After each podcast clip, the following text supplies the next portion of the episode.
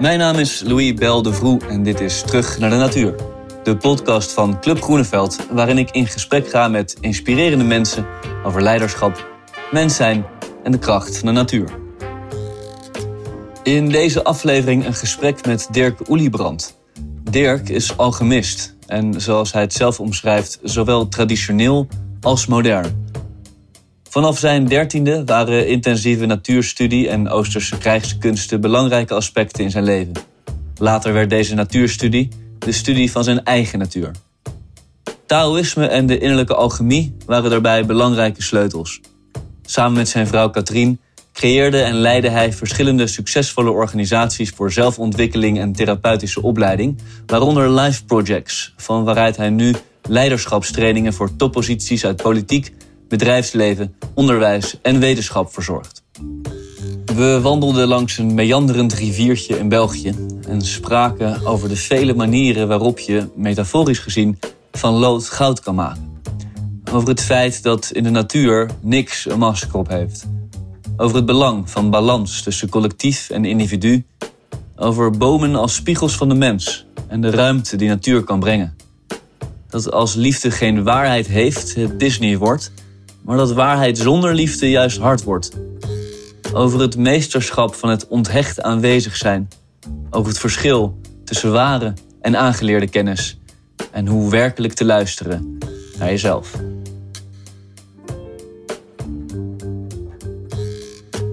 Ah, daar zijn ze. Je hebt Voor de, wal, de walnoten. de walnoten, is het tijd dat ze vallen? Ik, het ziet er naar uit, kijk. Oh, ze worden geraapt. Ja. Oh, dat is echt... Want Hoe lang woon je hier nou? Eh, meer dan twintig. Meer dan 20 jaar al. Ja. Dus je Maar wij- de, ondertussen zijn we negen jaar in het buitenland geweest. Maar on- ons center hebben we altijd gehouden hier, ons trainingscenter. het- ja. Maar jij zelf? Jij zelf? Nu, zeg maar, achtereenvolgend? Eh, nu zijn we zeven jaar terug. Oh, oké. Nee, dus maar het, het walnootrapen Ja, dat is ken een ik bekend wel. fenomeen. Ja. Inderdaad, ja. Dat zeg je waarschijnlijk niet zo bij jullie. Notenrapen. Nee, nee ik, herken, ik ken het niet echt als een, als een fenomeen wat ik voor me zie. hè. Fenomeen. Ik bedoel, er zijn genoeg noten die vallen. Ja. Ik, ik, zie me, ik herinner me alleen in me, in me vroeger dat eh, op de... Het is, nou ja, het is, nu, het is nu in elk geval een meteorologische herfst is begonnen, begin september. En ik herinner me dat als, als kind ehm, op de basisschool dat we een herfsttafel hadden. Ja. En dat we achter in de klas gingen we, ja, nou, dan legden we dan de verschillende De goodies. ja, de, de gele bladeren. En om een Ja. soort van begrip te krijgen. Dat was oktober zo dan, hè? Dat zal iets later zijn geweest. Wel, dit is een maand te vroeg, hè? Ja? Ja, het is echt heel vroeg allemaal. Dag. Goeiedag. Zie je dat? Is, is dat iets? Ja, nou ja, dat is iets van de laatste. Ja, jaren. wel, ik denk iedereen heeft ook het gevoel dat het al heel lang zomer is, hè? Ja, hè? dat is ook zo. In april was het al ja, een beetje zomer, dus Ja. we hebben zoiets van, wauw, dat blijft maar duren. En nu, we zeiden tegen elkaar, we kijken wel uit naar de herfst en de winter. Een beetje koud en een vuurtje en Ja. regen. En- Ik heb het er zelf. Ik heb, eh, dat, dat, dat, het, is een, het is een wonderlijke ervaring dat. ehm, dat je opgroeit eigenlijk. En ik denk misschien is dat wel de, het, de thematiek van, ons, van onze tijd. Dat alles zo snel in verandering is. Ja, Maar dat zelfs de dingen die, al, die, die, nou ja, waar, waar je toch erg iets van op aankomt, dat dat vastigheid was, zoals seizoenen. ja, Ook die, eh, dit is voor mij echt een, werkelijk, een, wonderlijke zeker. ervaring. Dat, dat, nou, dat was een van de dingen die, die vaststonden. Dat ongeveer de seizoenen Ja. een plek hadden. En, eh, en ook dat eh, geeft geen zekerheid meer.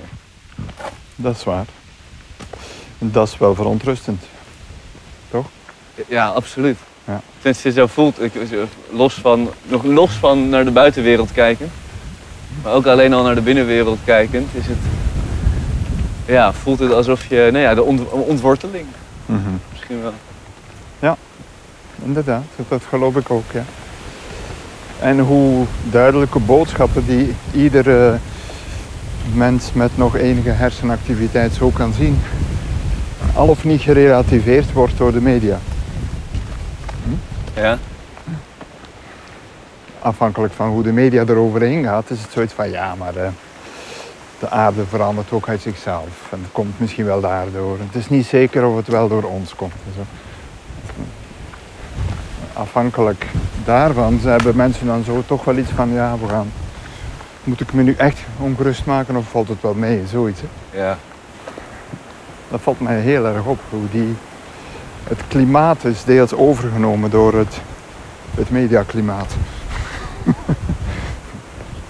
Ja, en, en, en misschien nog wel, wat ik daar ook wel ehm, een parallel misschien wel in zie, is dat de kennis of wijsheid of weten, dat dat, dat dat heel erg op alle fronten eigenlijk aan de buitenwereld of aan de ander wordt gegeven. Ja. En dat, ehm, en ik, ik spreek, ook voor mezelf hoor, Ja, maar dat er een soort zel, dat er een zelfkennis ontbreekt of een, laat ik het zo zeggen, een vertrouwen op het eigen weten. voilà. Dat is zeker. Ja. We hebben, eh, eh, we hebben heel veel ge- gepresteerd, zou je kunnen zeggen, in de afgelopen honderd jaar of gemanifesteerd. Onder, onder een mannelijke drive. Maar we zijn ons zeer oppervlakkig of zelfs niet bewust van de prijs die we daarvoor hebben betaald. Dat relativeren we.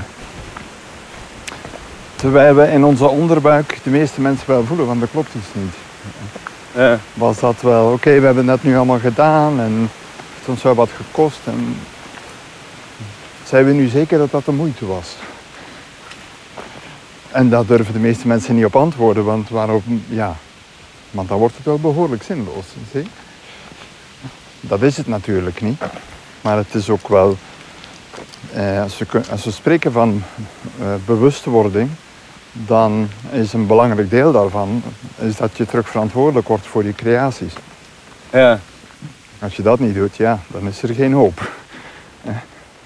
En dat niet in het collectief uitsmeren, maar voor jezelf dat te gaan zien. En van daaruit te zien van wat wij collectief, van daaruit als tweede, wat we doen en of dat de bedoeling is. Eh, mensen vinden dat spannend Ja. als je dat aanreikt. Omdat het ook op eh, beroep doet op een ander stuk van de intelligentie die, eh, die vaak niet ontwikkeld is. Ja, dus, dus bewustwording.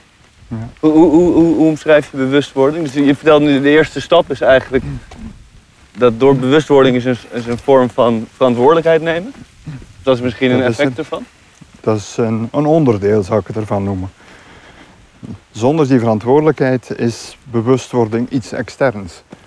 Wat, wat de moderne vorm van bewustwording is. En Met de hele psychologische benadering van de mind, van, de, van het, eh, het mentale. De mind is voor mij iets anders dan het mentaal, ja, is ruimer.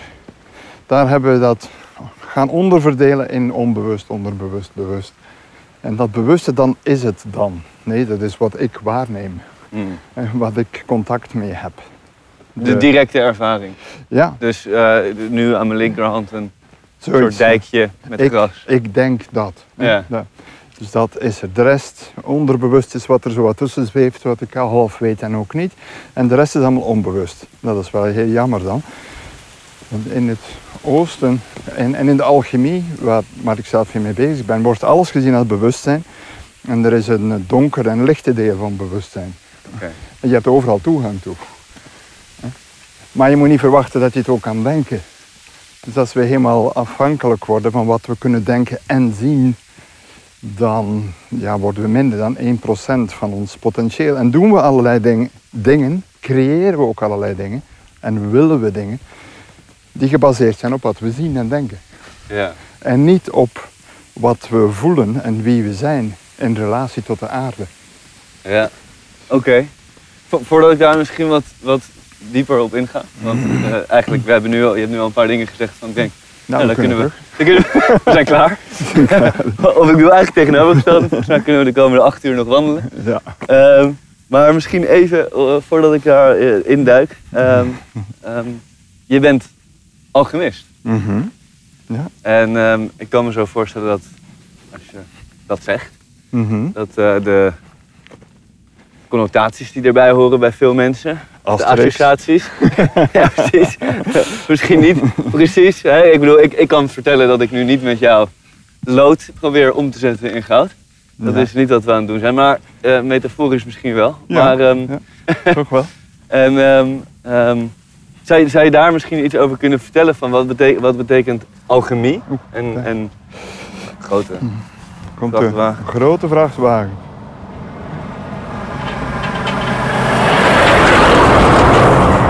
Wat, wat betekent alchemie? In een natuurgebied. Ja. Is, Alchemie- Dit, dit, dit is, nee, wat is alchemie? Ja. En misschien daarvoor nog, hoe word je alchemist? Of misschien wil je dat door elkaar heen weven. Ja. Ik ben ook heel benieuwd hoe, Ja. Hoe, je, dat, hoe je daar terecht komt. Wel, voor mij is de alchemie, is wat het woord ook zegt, is de chemie van het al.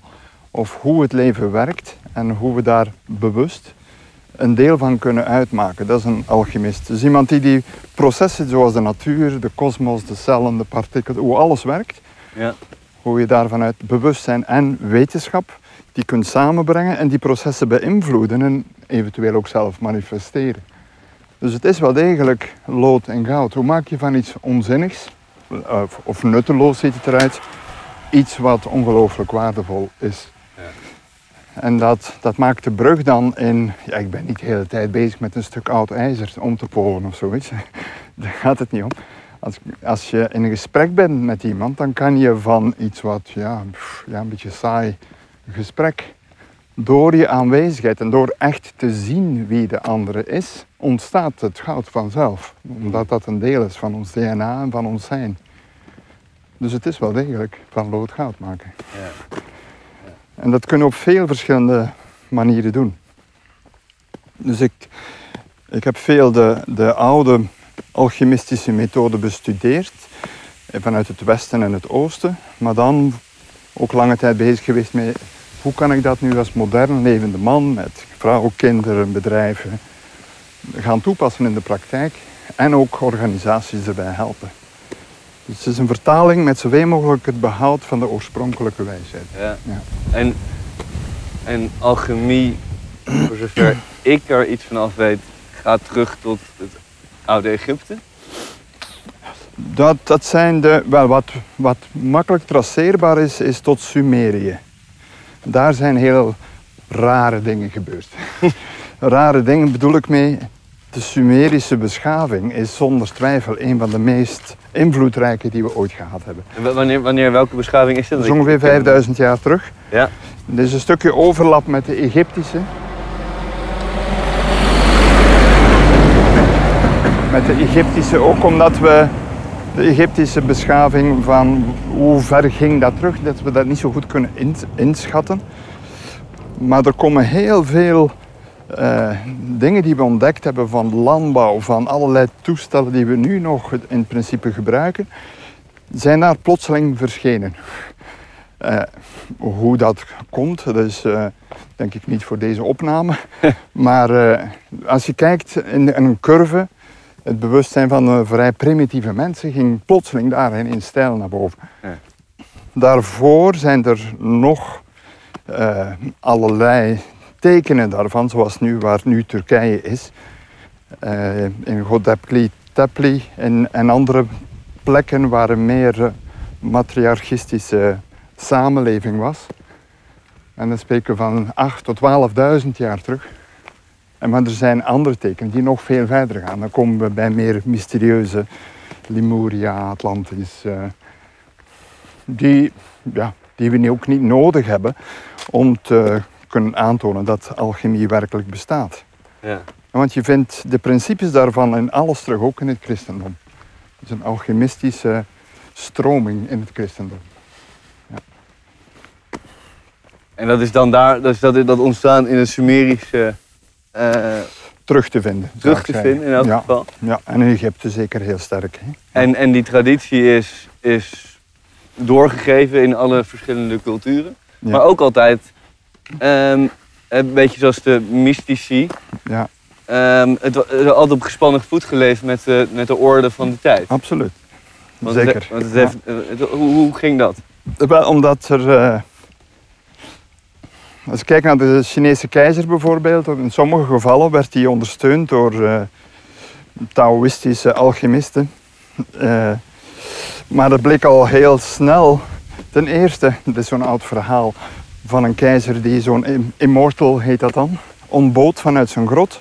Ja, die man zei van ja, ik heb wat beter te doen. Die ging natuurlijk niet. Dus toen kwam er een klein leger en die ging hem onder hoofd en hij zei ja, doe maar, ik ben helemaal klaar. Dat werkte ook niet. En toen kwam de keizer hem zelf vragen. En hij zei oké, als je voor mij buigt, dan kom ik wel mee. En eh, het verhaal was dat de man eh, boven de keizer uitsteeg. Is dat nu symbolisch of niet? Maar in ieder geval dat de keizer voelde wie eigenlijk de macht daarin had. Dat is altijd geweest. Een, een meester alchemist, zo zie ik mezelf niet. Die hebben natuurlijk enorme vermogens. En er was altijd een spanning daartussen. Wie heeft er nu eigenlijk de leiding? Ja, ja. Maar in vele gevallen, eh, ik noem het dan de leider en de wijze. In vele gevallen, als je gaat terugkijken in de geschiedenis, heel succesvolle leiders hadden op de achtergrond een man of een vrouw als een alchemist, meester die hun ondersteunde. ja. Maar die in de schaduw was. Wat, wat, wat intrigerend is van het verhaal, Ja. is je noemt het woord macht. Ja. En dan eigenlijk kijk je, oké, maar wat betekent macht dan? Ja. Want in dit voorbeeld, en dat doet me denken aan, ik ben vergeten welke filosoof dit nou was. Diogenes? Of verhaal dat hij in de, was- een soort filosoof in de tijd van Alexander. Ja, dat, En, eh, en, en, en het verhaal, en hij koos altijd zijn eigen weg, maar hij was onaantastbaar. En, dat hoor ik hier ook in. Dus op een gegeven moment kwam, Juist. Alexander langs en die had gehoord over deze filosoof. En die ging voor hem staan en zei alles wat je wil en ik geef het je, wat wil je hebben? Mhm. Toen zei hij, kan je iets opzij, want je staat in mijn zon. ja, En, en dat doet me heel erg aan denken, want dat is, eh, hè, dat is in bepaalde zin, dat is macht. Ja, Want je bent niet bezig met wereldlijke macht. juist. Het gaat om iets overstijgends. En dat hoor ik hier ook. Over onthechting. Maar zonder twijfel zijn, waren er ook veel alchemisten die niet echt zuiver op dat pad zaten. Hè? dus dat was er ook wel bij. En wat betekent dat dan, zuiver op, dan, op een pad zitten? Het is zoals leiderschap. Je, komt, je krijgt een bepaalde invloed die je kan gebruiken op mensen, op de wereld. Op.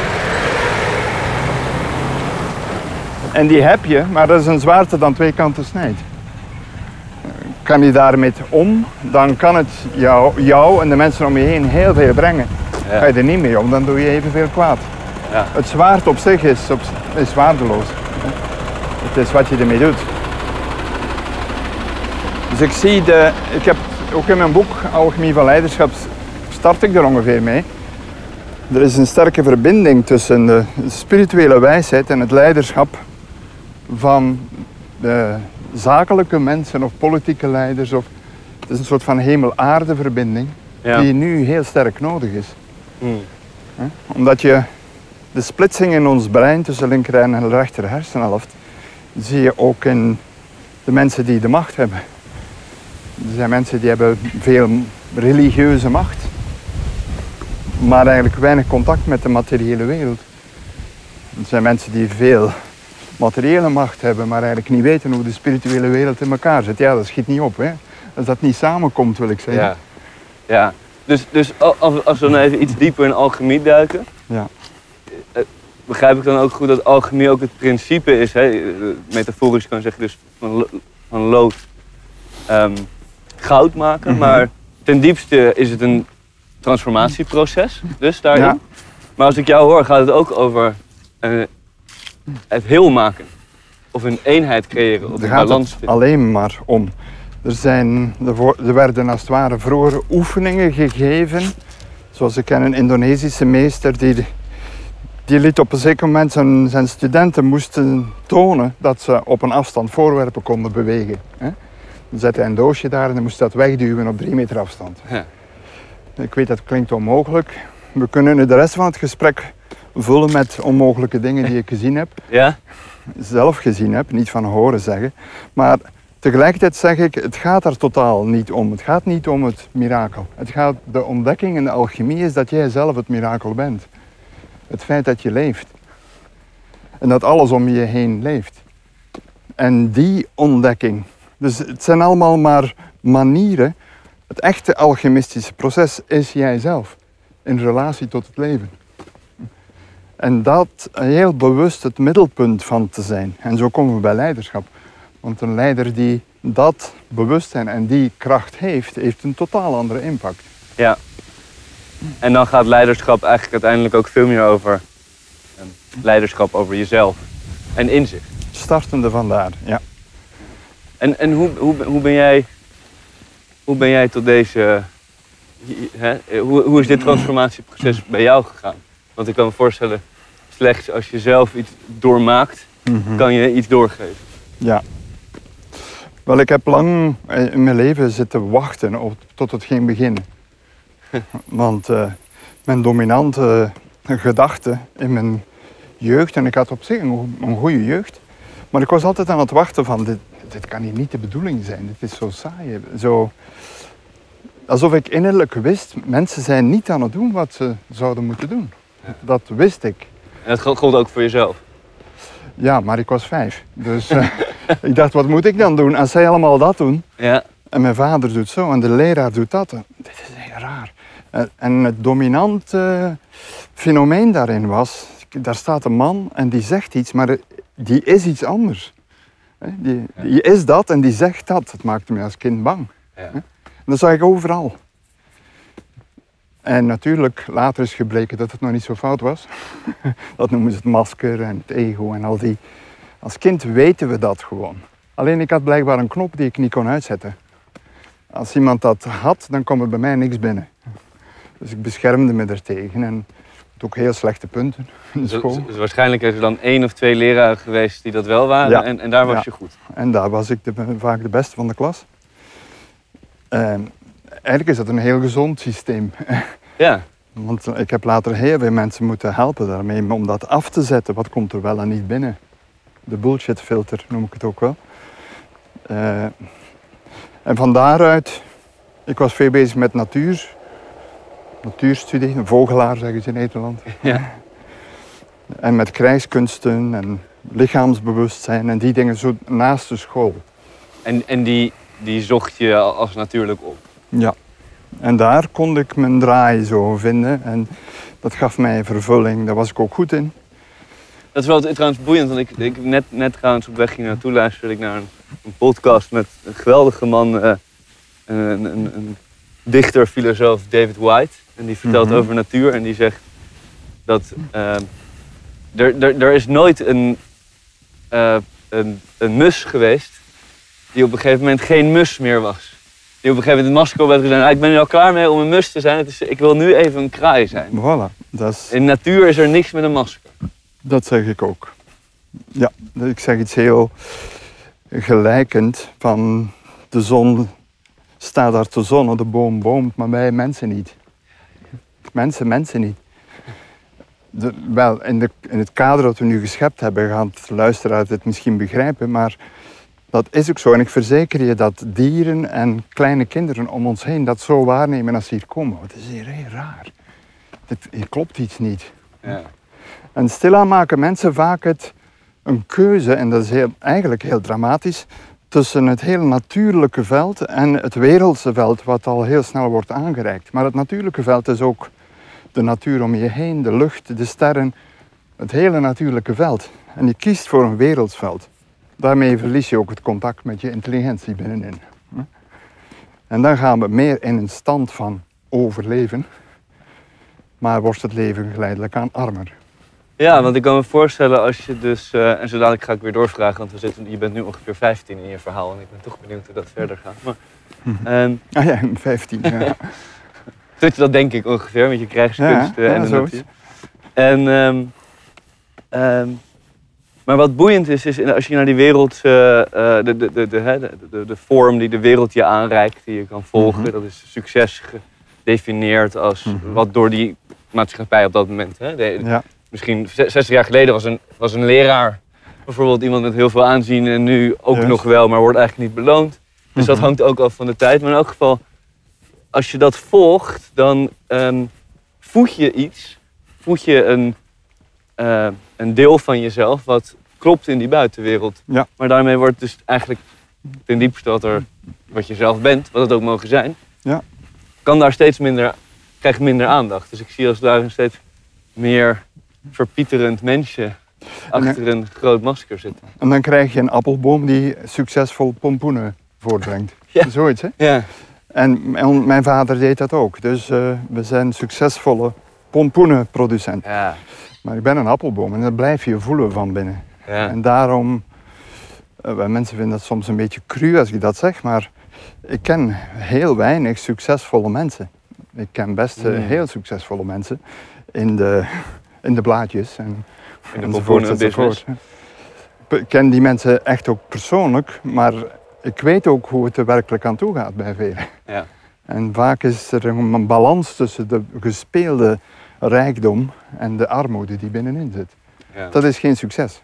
Nee, nee dus, dus dan gaat het over succesvol mens zijn. Ja, en dat, als het dan bedoeld is dat je CEO wordt van een bedrijf, dan gaat dat een natuurlijke extensie zijn daarvan. En als dat niet zo is, dan gaat die CEO die die macht heeft, die gaat van alles kapot maken, want die weet niet wat hij doet eigenlijk. Ja. Ja. En we moeten, moeten echt wel naar die andere kant. Ja, ja dus dan even terug naar, naar, naar, naar, jou dan. Eh, Mhm. 15 jaar oud. Ook al eigenlijk wat je vertelt. Wat mij intrigeert de laatste tijd is ehm, dat er allemaal kleine ja, aanwijzingen zijn in, door je hele leven lang. Die, die, jou, die jou een weg kunnen tonen die vervullend is. Dus ik, ik, ik, ik vind de term following the thread interessant. Het idee Mhm. dat er ergens een draadje Ja. is wat je kan volgen. Ja, En zeker. eigenlijk wat jij al vertelde, is, je hebt een soort hele helderheid waarin je, waarin je klinkt natuurlijk, maar dat wordt dan Mhm. een vraag, Ja. ehm, waarin je die hebt gevolgd. Ja. ja, ik had niet het gevoel dat ik daar keuze in had. Om, en dat klinkt dan een beetje depressief, maar dat was het niet. Maar om mijn leven echt zinvol te maken, moest ik volgen wat, wat, eh, ja, wat er was, wat echt was. De rest was voor mij duidelijk illusie, niet de moeite. Dus het kost jou geen moeite om... Heel veel moeite. Heel veel moeite. Ja, omdat, wel, we kregen dan dingen van mijn moeder en mijn vader die zich zorgen maakten. Omdat Dirk kan universiteit en haalt met moeite een technisch diploma. Maar ergens kon mijn moeder ook niet kwaad op me zijn. eh, omdat ze, ze voelde, het was niet als een onwil of zoiets. Dus ze Nee. steunde mij er ergens wel in, maar ze vond het ook wel lastig. Zoiets van, wat moet ik dan doen? Ja. ja, me steunen en van me houden. En dat deed ze, deden ze ook, dus dat was voldoende. Ja. En dan komt dan, er zijn mensen hier die kunnen klikken in het bestaande en die daar ook een plek in hebben. Want niet iedereen moet iets, moet, eh, iets uitvinden, zoals alchemie of zo. Maar er zijn andere mensen die moeten iets eh, terugbrengen, zoals bij mij, of iets, zelfs iets compleet nieuw bouwen, zoals Google. Of, eh. En daar moeten we ook eh, volgen, eerlijk in zijn. Ja. Als we dat niet volgen, dan, ja, dan Ja. gaat het fout. Hè? I- Dus in die zin, de verschillende functies die er zijn gecreëerd, of rollen die er Ja. zijn in de wereld. Ja. Er, kan er kunnen best boekhouders zijn die geboren zijn om boekhouder. Tuurlijk. Ja. Tuurlijk. Maar dan maakt hun dat ook. Dan vervult hun dat Ja. ook. Ja. En dan, als je dan op, daarbij gaat doorvragen van wat dat, wat dat hun brengt en wat hun intentie erachter is, dan gaat het nooit om boekhouden. Nee. Nee, nee dat, is, dat is een uiting van, van een dieper proces. Dan kom je vaak bij zoiets, ja, je moet iets doen. Maar ja, en zoals eh, een vriend van me, Wouter Torf, zegt, die een heel succesvol ondernemer is, die zegt van ja, mijn, mijn ouders verkocht, verkochten schoenen, dus ik heb dat maar verder gedaan. Maar eigenlijk verkopen we liefde. Maar ja. Hè? Het gaat om de waarden die via het product mee naar buiten komen. En die kunnen menselijk of praktisch zijn, maar de waarden daaronder maakt het vervullend. Ja, ja. Het waardestuk is het, eh, hetgene, of het aspect ook wat, wat ook in de alchemie terugkomt, maar niet enkel daar. Is hetgene wat meer en meer zijn plek begint te vinden in de organisaties, bedrijfswereld. En dat is, dat is natuurlijk heel goed. De, Waarom ik voel dat het, uh, het gedachtegoed van de alchemie zo van toepassing is in deze tijd, is omdat het start vanuit de eenheid van gevoel en denken. En ook van spiritualiteit en wetenschap. Wetenschap is een, ja, is een vorm van spiritualiteit voor de alchemist, een ervaring van spiritualiteit. En spiritualiteit is een vorm van wetenschap, ook dat. En de, de scheiding tussen die twee, die bij de meeste mensen en ook in de bedrijfswereld zo ver van elkaar afzit. Ja. Het is alsof onze hersenhelften elkaar niet meer raken of zo. Ja. En daar moeten we voorbij kunnen komen. En vele bedrijven gaan dan, ja, dat waardestuk voegen we eraan toe. En we zijn bezig met uh, meer bewustzijn. Af en toe doen we mindfulness en we doen een beetje yoga enzovoort. Maar dat is er naast. Of we maken ook tijd daarvoor. Dat is dus weer ernaast. En ik denk, als we, die, als we de verbinding kunnen zien tussen de waarden, het gevoel en de structuur van hoe de mind werkelijk werkt, mhm. dan is er niet enkel een beter werkklimaat, maar dan is er ook een hogere efficiëntie. Ja. Hm? En het is die twee wat mij boeit. Ja. Als bedrijven me vragen van, ja, kan je niet een beetje meer naar die waarden en zo. Ja, dan denk ik, uh, er zijn genoeg mensen die dat kunnen doen. Ja. Daar heb je me niet voor nodig. Maar ben je echt geïnteresseerd om van binnenuit een verandering aan te brengen, of te laten ontstaan beter, dan, dan vind ik het interessant. Ja, en, en ook hier dan, dan, dan kom je dus eigenlijk weer terug bij, het gaat over het integreren, het integratieproces van links en rechts, van uh, de polariteiten die in het leven bestaan. Ja. En het is wel inderdaad wat je zegt, het begint bij die linker en die rechter hersenhelft in elk geval in ons leven. Volgens mij ook evolutionair gezien begon het met een rechter hersenhelft, waarna later een linker hersenhelft veel meer is ontwikkeld. En sinds de verlichting misschien wel het instrument is geworden waarmee, waarmee wij ons één op één identificeren. Ja, en, en dat zit hem in wat, we, wat ik noem de, de tweede as. Eh, onze eerste as is eigenlijk die tussen leven en aarde, tussen, tussen, sorry, tussen hemel en aarde, tussen leven en dood. Dus verticaal. Verticale as, de levensas. En de tweede is die links-rechts as. En die is in werkelijkheid gaat dat over het mannelijke en vrouwelijke. Maar wij kennen dat nu als het denken en voelen, linker, rechter hersenhelft. Zij is de tweede. Als we die in balans brengen, dan ontstaat er inderdaad een meer ja, balans in het brein. en daardoor ook uh, meer contact met het hart, zeker en vast. Maar er is nog altijd geen verbinding met het lichaam. Ja. En het is die die het belangrijkste is. Het belangrijkste in die zin, de buik en het lichaam is de plek van de individualiteit. De toekomst, ook al lijkt het er compleet niet op, de toekomst is een, is een organisatie die een heel sterk collectief is, maar die ook heel krachtige individuen zijn. Dus die basis in hun buik van ik weet goed wie ik ben en wat ik te doen heb. En van daaruit sluit ik aan op het collectief. Ja. Ja. Intrigeer. Waar ik aan moet denken is dat als je kijkt naar de 20e eeuw, dan heb je een tijd gehad waarin er verschrikkelijke gebeurtenissen zijn geweest vanuit een collectief. Mhm. Waarna er een behoorlijke doorslag, of mensen een uitslag is geweest richting het individu. Mhm. En eigenlijk noem jij hier ook weer, ja. allebei is noodzakelijk. In die volgorde. Er is, er is nooit een collectief zonder een individualiteit. Dat is technisch onmogelijk. Toch? Ja. We kunnen niet samen zijn als jij er niet bent en ik er niet ben. En toch lijkt dat zo. En mensen connoteren zelfs werk als zoiets. Ah, daar moet ik gewoon gaan doen wat ik moet doen zonder dat ik zelf besta. Ja. Eh, ja, die tijd is echt wel voorbij. Ja. ja. En vanuit hun hart, vanuit hun zijn, begrijpen mensen dat. Maar niet zozeer dat dat start vanuit je fysieke lijf als basis. Je kracht, je gezondheid, je vitaliteit. Maar ook, uh, ook het ego dat zijn plek daar heeft en niet in je hoofd. Ja, de, de, waarin het, je ook kan zien dat het, hè, de linker hersenhelft, de ratio of misschien ook het ego is leidend geworden en heeft, heeft daarmee zijn, uh, kent zijn plek niet meer. Dat is waar. Het moderne ego is de djinn die uit uh, de kruik ontsnapt is. En de kruik is het lichaam. Mm-hmm. Hm? En die is, ja, precies. Als we die, als mensen terug beter in hun lijf zitten, in hun vel zeggen ze dan. Ja. Niet met gewoon wellness, maar ook met bewustzijn van hun lijf en de kracht die daar werkelijk is. Geen, geen push-ups of zo, maar een echte zachte innerlijke kracht die duurzaam is. Dan verandert er heel veel vanzelf. Wat we niet moeten doen, omdat we beginnen aan te sluiten op het ecosysteem waar we deel van zijn. Mm Dat is een potentieel die grotendeels onbenut blijft nu. Ja. En als je dat, als je dat uh... nou laat ik daar zo even op doorgaan, want... Ik wil er uh, nog iets op zeggen. Als, we, als ik met een organisatie, die mensen die, een directieteam of zo, die echt ervoor gaan, op het laatste van de dag vragen we vaak van, zeg nu eens op van 1 tot 10 hoe druk we bezig zijn, zijn geweest vandaag. Zeggen ze, ja.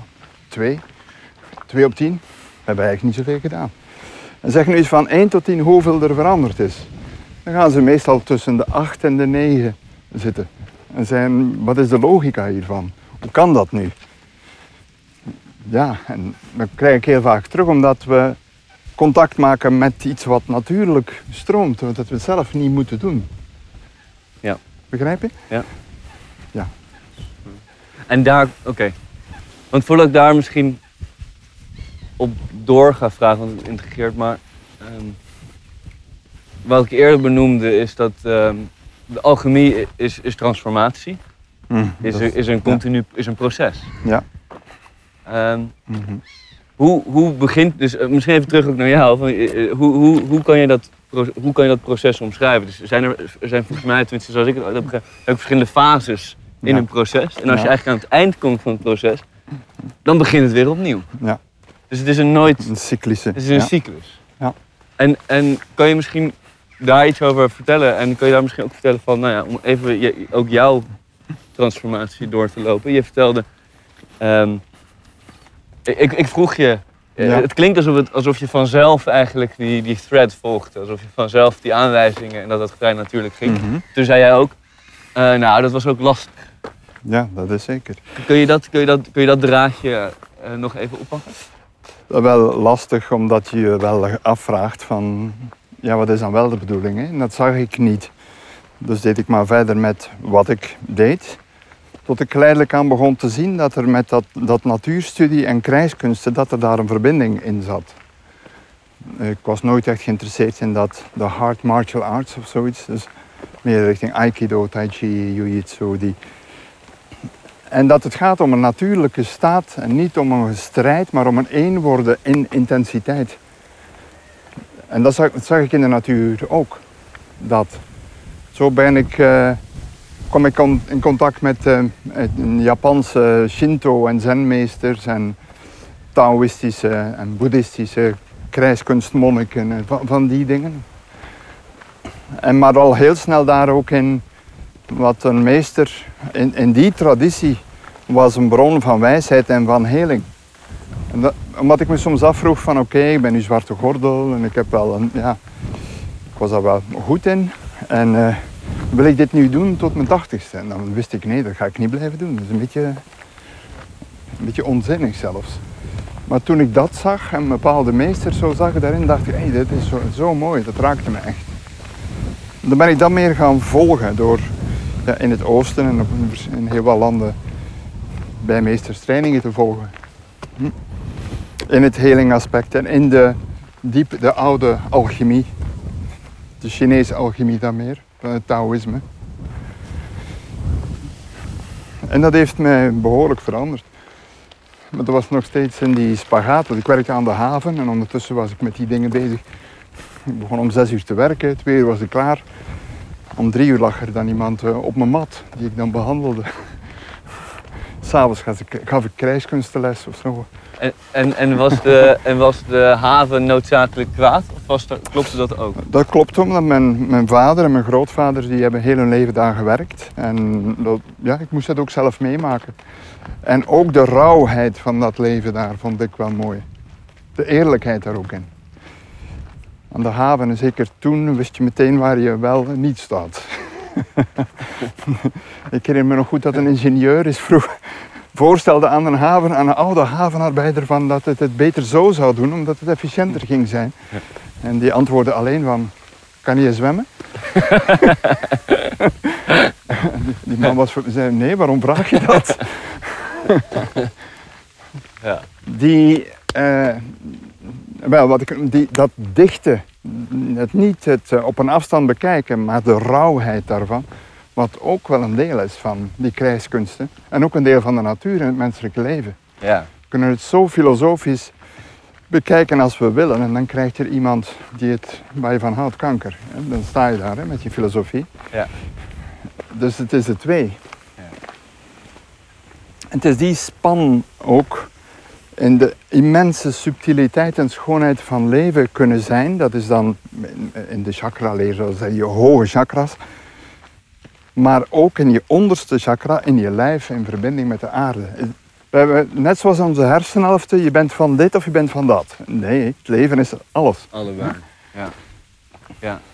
En, en zeker in het Westen, nou, daar hadden we het al eerder over, is, is, het redelijk goed uh, interessant doorgeslagen naar, naar de verticale lijn, naar, naar, naar, het, naar het mannelijke, naar het scheppende of naar ja, heel, heel sterk zou ik zeggen. We zitten in ons hoofd en de, de wereld is bijna een abstractie geworden. Ja, dat is zo. Ja. We leven in een alternatief van onszelf. Ja, precies. ja. Dus ik ben dat uh, gaan volgen en dan met de tijd meer en meer mensen daarin gaan lesgeven. Uh, maar was er een moment waarin, jij, waarin je in een crisis bent geweest? Waarin jij, want het klinkt toch je zegt het is moeilijk omdat je niet weet waar het naartoe gaat. En ik kan me zeker voorstellen als, als je jong bent en, je, en het is fijn om houvast te hebben waar we het eerder over hadden. Van, Wat dan wel, als je de opties niet ziet. Ja. Maar heb jij, um, heb je een moment gehad dat je, dat, je, uh, heb je, dat je echt een keuze moest maken? Ik kan me voorstellen bij veel mensen dat op een gegeven moment als je het, mhm. het, het draadje volgt van het masker van de mhm. buitenwereld. Ja. Dat er op een gegeven moment het moment komt dat je, dat, nou ja, dan, dan klap je. Ja. Want je kan, ja, dan is dat masker is alles wat er is. Ja. En, dan, en dan ben je eigenlijk on, ontzield, misschien wel. Maar was er voor jou, zijn er van dat soort momenten geweest? Of is het altijd... Heb jij, heb jij in, in balans dat pad gelopen? Nee, er zijn er verschillende geweest, maar wat me direct, uh, waar ik direct aan denk is toen ik ongeveer 35 was toen hadden we, ja, waren ze heel succesvol in onze organisatie, waar we trainingen gaven aan mensen. We zaten in zes verschillende landen, heel succesvol. En ik voelde van wat we naar buiten brachten, dat dat niet was wat, ik, wat mijn bedoeling was. Mm. Dus uh, ik had een team met 30 leraars. En die begrepen het niet, want ze zeiden ja, alles gaat geweldig. Dat kwam omdat ik de, het volume van de organisatie zelf niet kon dragen met de kwaliteit die ik wou. En dan eh, heb ik een groot stuk daarvan verkocht. Dan zijn we ook in het buitenland gaan wonen later, dus nog een, stukje verder. Uh, en daar wel een transformatie ondergaan door op ja, krachtplekken te wonen, geïsoleerd in de natuur. En van daaruit is er iets anders kunnen ontstaan. Wat ik in het begin noemde, die fusie tussen die, de oude wijsheid en een juiste vorm waarin je het kan gaan toepassen. Ja. Dus dat was wel loslaten voor mij. En, en hoe, eh, hoe, hoe ervaar je dat? Hoe, hoe, hoe gaat dat? Want je moet, iets, je moet afscheid van iets nemen wat je, waar iets van jou heel erg aan zichzelf mee identificeert bijna misschien. Ja, maar als je het als je de waarde van dat, dat onder jouw naam naar buiten gebracht wordt niet meer echt ziet, dan komt er ook een bepaald schaamtegevoel bij. Dus dan, dan begint het pijn te doen, zou ik het zo hmm. zeggen. Ja. En dan is het ook een opluchting, ook al gaat het niet zo snel, dat dat kan veranderen. Alleen later uh, is mij die ervaring ook wel teruggekomen. Ik heb heel veel organisaties gezien die eindeloos voortdoen met iets wat niet levenddragend is. Omdat er kapitaal in zit of, uh, of macht of weet ik veel. Maar ik heb ondervonden dat het wel moeilijk is voor de, voor de meeste mensen. En ik, dat, dat zie je misschien zelfs ook wel in maatschappijen. Dat iets Ja, wat eigenlijk te- van binnen al dood is, kan nog be- betrekkelijk lang voor de buitenwereld nog een geanimeerd Ja. lichaam zijn. En dat is, eh, ik heb ook wel geleerd om, dat daar geduld voor nodig is. Zoals een klant van mij, die zei ook, die heeft een mega groot bedrijf. Die zei van, het is geen een zodiac, hè. het is hier een, een tanker die moet draaien. dus dat gaat een paar jaar duren. Hij zegt, wij zijn het dan wel duidelijk van wat er moet gebeuren. Maar eer dat doorcijpelt 30.000 mensen verder, Ja. Hè? Ja, bij iets helemaal anders. Hè? En dat heb ik ook wel, wel moet leren accepteren dat dat ook Mm. zo werkt. Maar vaak wordt het, het natuurlijke proces van het draaien van de tanker wordt ook uitgesteld. Ja. Want we willen niet draaien. Nee. Want we alles lijkt, mijn hele bestaan lijkt vast te hangen aan deze koers die we nu varen. Ja, ja door, door een, door een, zelfs al door een vraag te stellen, creëer je een werkelijkheid die mensen niet willen zien. Ja. Ehm, ik denk dat dat ook een enorme kracht van vragen stellen kan zijn. Maar je ziet zelfs dat, dat mensen zich, het moment dat mensen zich geen vragen of dat nieuwsgierigheid verdwijnt, Ja. ehm, dan komt er een soort stolling in het bestaan. Als je jezelf niet meer de vraag durft te stellen, ben ik gelukkig in mijn werk bijvoorbeeld? Tuurlijk. dan, Ja. Nou ja, dan weet je het antwoord ten eerste al. Maar, Ja. eh, ehm, maar en ook begrijpelijk, want het geeft natuurlijk, het geeft een, nou ja, om daar weer op terug te komen, het geeft ook een soort zekerheid en een houvast. Want de vraag die aan de andere kant van die vraag zit, is, ja, wat dan? En bij mij was die vraag die kwam, dat was eigenlijk tijdens het, een coaching of behandeling. Wat weet ik nu eigenlijk echt? Dat was een hele goeie, dat was een simpele vraag. en eh, dat heeft iets in gang gezet. Eh, het besef van het verschil tussen wat ik zelf weet en wat ik geleerd heb. Ja, ja, De Taoïsten noemen dat je, je ware kennis en je aangeleerde kennis. En ik ben veel meer op die ware kennis gaan terugvallen en gaan citeren wanneer ik aangeleerde kennis gebruik. ja, En dat brengt je vanzelf in je lijf, omdat veel van die ware kennis zit in je onderbe of onbewuste. ja. Zie, dat was voor mij de grote verandering. Dus het was om echt geloofwaardig en genoeg impactvol op een, op een goed niveau, of op een diep genoeg niveau te, te hebben, moeten we vanuit de ware kennis komen. Van wat wij zelf weten. Omdat we anders weer eh, pompoenen aan de appelboom krijgen. Het is, het is eh, wat ik ook wel merk, door ook met veel mensen te praten en ook veel mensen te zien praten op een podium. Het verschil tussen mensen die over dingen praten en Ja. mensen die praten vanuit. Bij mensen kunnen dat vaak moeilijk accepteren. Bijvoorbeeld, ik schrijf dan een boek en ik schrijf in het boek soms wel van dat komt vandaar. Op het laatst vragen mensen me soms, en waar haal je dat nu allemaal? Ik zeg ja, van binnen. Eh, ja, maar dat komt allemaal toch niet van jezelf. Zeg, wat is van jezelf? Het komt in ieder geval door mij. Als mensen heel erg gehecht zijn aan die externe kennis, dan gaan ze bijna vanuit dat je niks uit jezelf haalt. En dat is een fout idee. Dat is weer gebaseerd op, we hebben geen eigen kern. Hm? Dan krijg je zo'n boek van 100 bladzijden met op het eind 20 bladzijden met eh, referenties, hè, zoiets. Ehm, leuk, maar iedereen kan dat nu met een paar klikken vinden, wat daarin staat. Dus wat is ja, het kan mooi zijn dat iemand het samenbrengt, maar we hebben meer en meer nodig, ook in organisaties, dat mensen vanuit zichzelf daar zijn. Omdat je ook anders mensen con- constant op de verkeerde plek tegenkomt.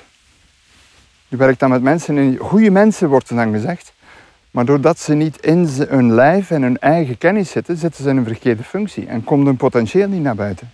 Ja. Dat is zo'n voorbeeld. Terwijl je ons tijdens het gesprek en de wandeling Mooie plek, hè? een mooie plek hebt geleid. Zwemmen mensen vaak. Kan je het, eh, wil je het omschrijven? Ja, het is zo'n een een paadje door het riet dat in, in die rivierarm uitkomt. En dan kom je in een open plekje tussen het riet wat helemaal geïsoleerd dan is. Met veel schrijvertjes op het water. Zo. En wel een plek die rust uitstraalt. En met een heel mooie lila papaver. Eén. Eén, ja. Eén om.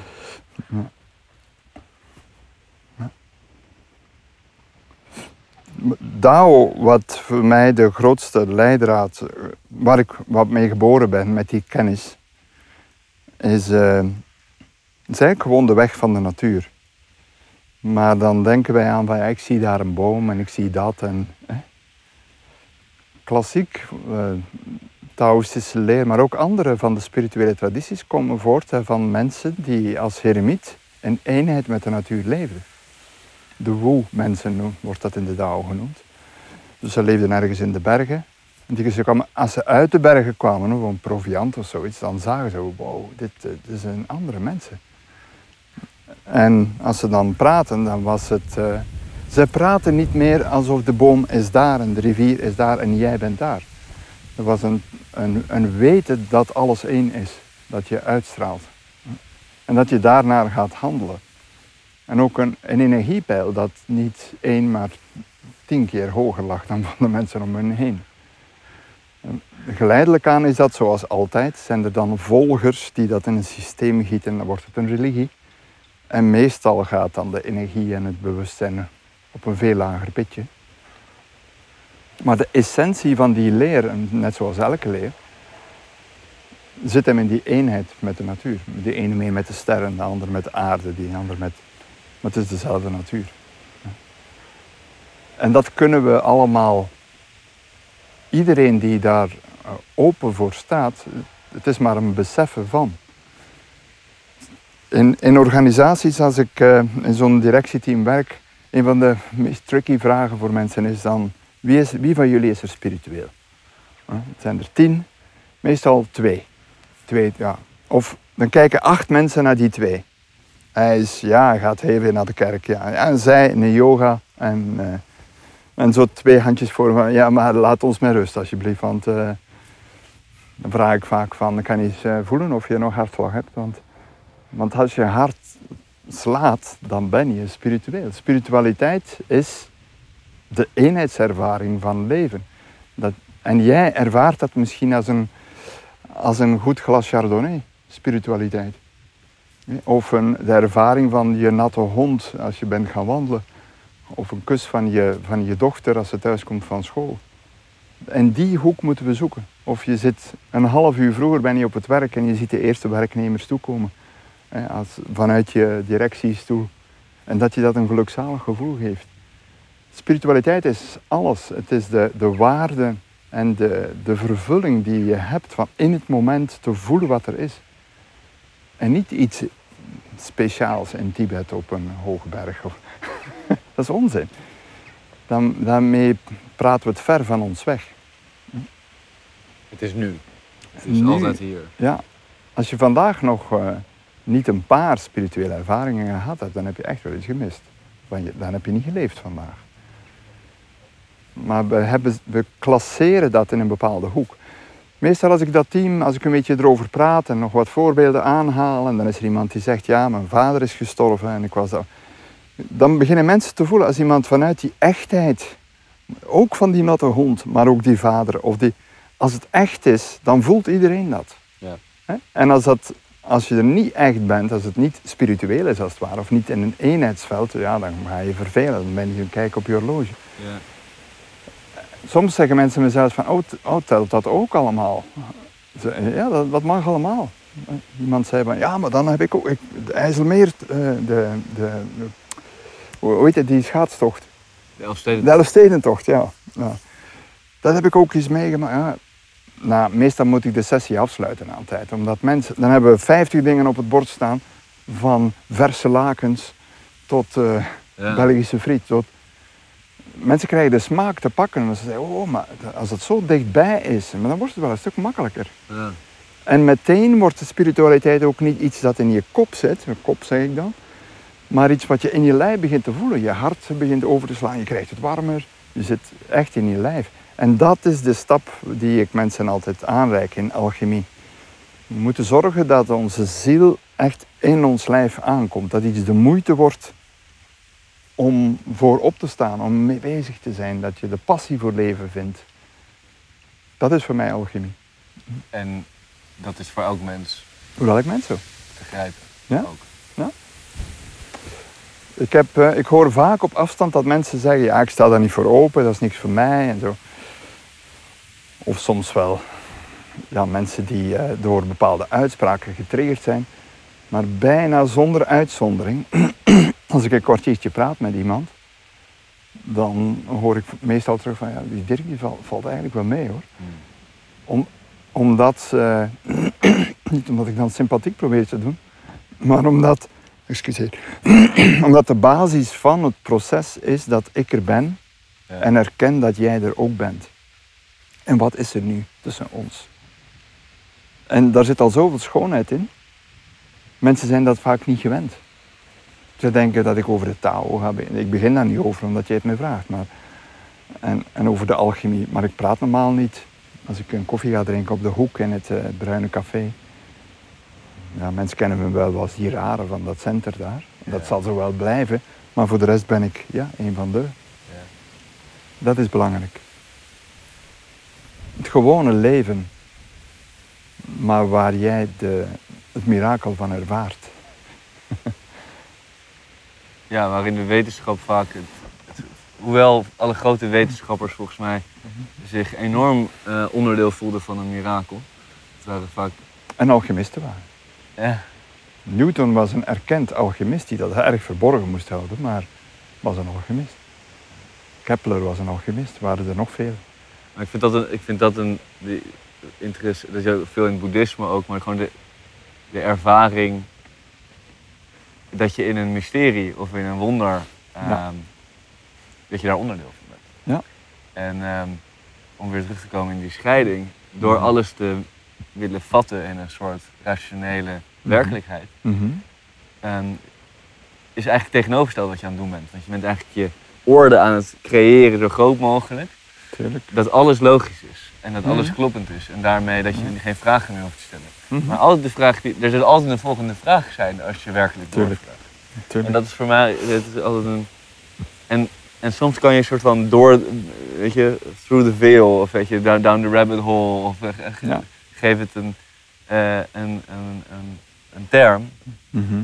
Maar dan kan je er soms doorheen prikken en dan zie je keer, oh wacht, Mhm. dit is een absoluut mysterie. Ja, zeker. Totaal onverklaarbaar. Ja. En, en daarin dat laten. ja, Loving the Mystery heet het. Voor mij. Dat is de basis, ja.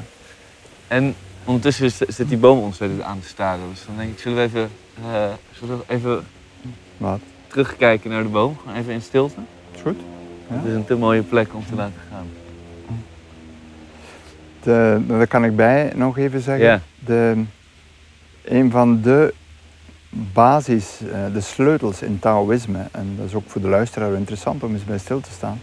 Wij gaan er altijd vanuit, de vorm van arrogantie, van ik kijk naar de rietstengel, ik kijk naar jou, ik kijk naar de boom. En jij zegt het wel mooi, de boom staart ons aan. En de Taoïsten zeggen dat ook. Als jij nu eens gewoon er was en, en heel het universum ziet jou, zou je dan nog genoeg energie hebben? Ja, natuurlijk. Hè. Al onze energie gaat naar alles wat wij denken te moeten, daar stoppen we telkens energie in.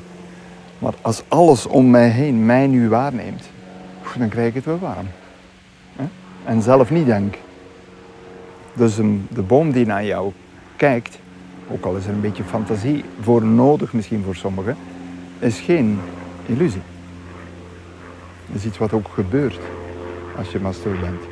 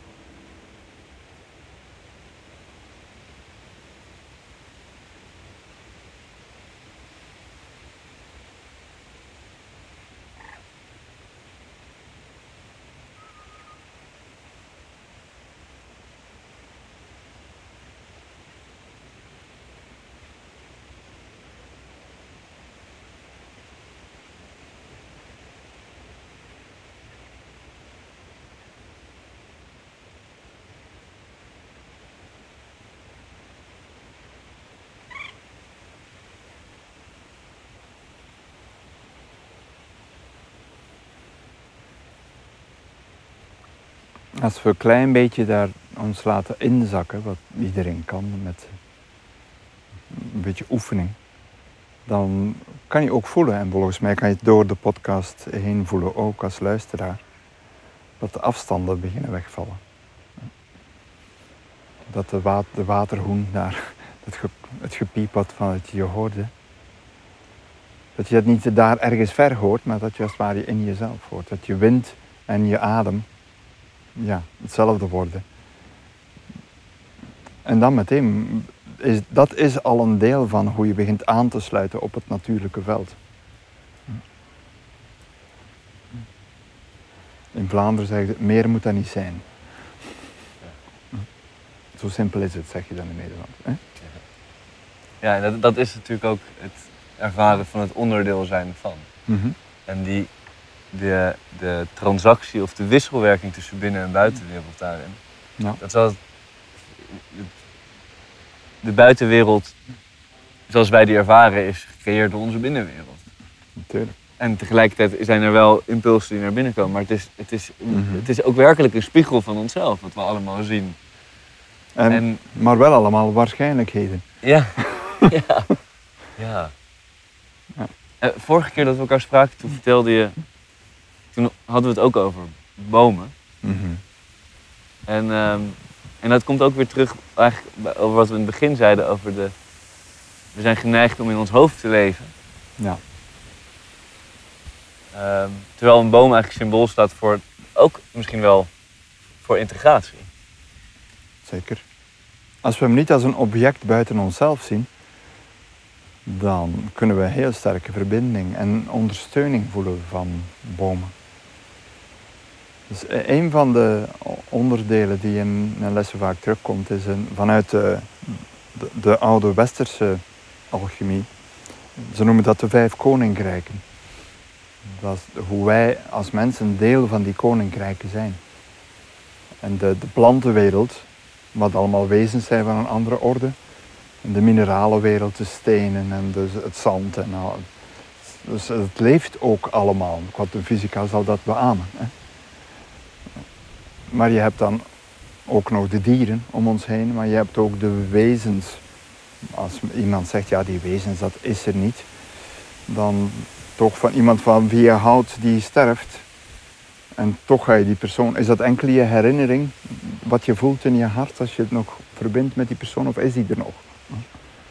Met een beetje oefening weten we ook dat daar ook een wereld is waar we ons mee kunnen verbinden. Meestal moeten we iemand verliezen, heet het dan, wat niet echt verliezen is, eer die poort zich voor ons gaat openen.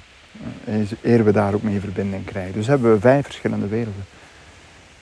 En als dat allemaal leeft, en ik ben daar allemaal een onderdeel van, de wereld van de, de hogere wereld noem ik dan, de mensen, de dieren, de planten, de mineralen, dan is het een soort van verticale zuil waar ik als mens een deel van ben. En dat is allemaal ik. Het gevoel van gedragen zijn en één te zijn met, is, ja, een mens wordt anders daardoor als je dat begint te voelen. Alles leeft dan. Ook het stukje zand waar je nu op mag staan. Hè. Het is niet zomaar modder. Het is veel meer dan dat.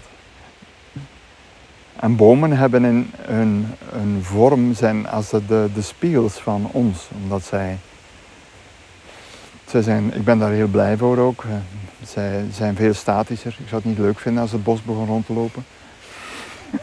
Tolkien wel. Ja. Eh, ze hebben heel diepe wortels. Terwijl wij onze wortels eh, eerder in het universum hebben. En ook altijd kijken waar komen we vandaan. Dan kijken we niet in de grond. Hè? Een boom zou dat dan wel doen. Waar kom ik vandaan? Dus daar. Dan kijken we allemaal, allemaal naar boven. Eh, dus we zijn een soort van tegengestelde als, als de, de Davidster. Driehoeken die in elkaar passen. Daarom is... eh, in een bos zijn kan zoveel weghalen van een mens. Spanning. Ja, zeker. Je wordt eigenlijk als het ware meegetrokken de, de grond in. Ja.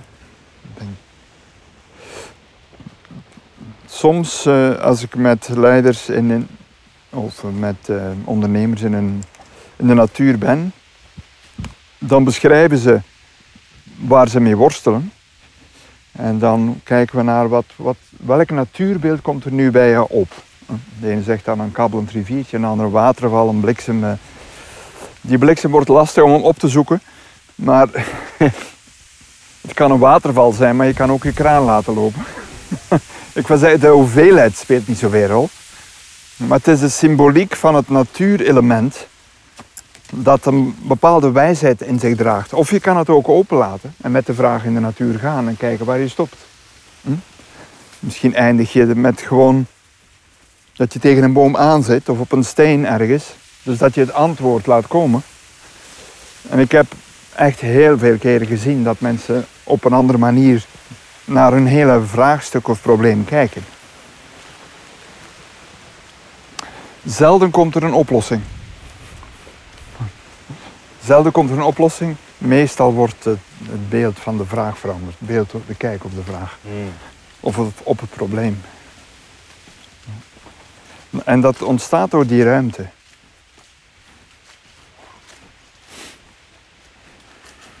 En de natuur brengt die ruimte natuurlijk. Wat, wat is jouw plek?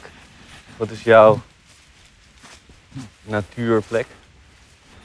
Goh, er zijn er veel. Maar eh, thuis is mijn plek. Ik heb een mooie zwemwijver. Mooie plekken ook in huis, een o- open haard.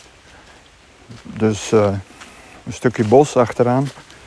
Dat zijn al, is een krachtplek bij ons thuis. We hebben ook een plek op La Palma waar we lang gewoond hebben. In de berg is een, een woongrot.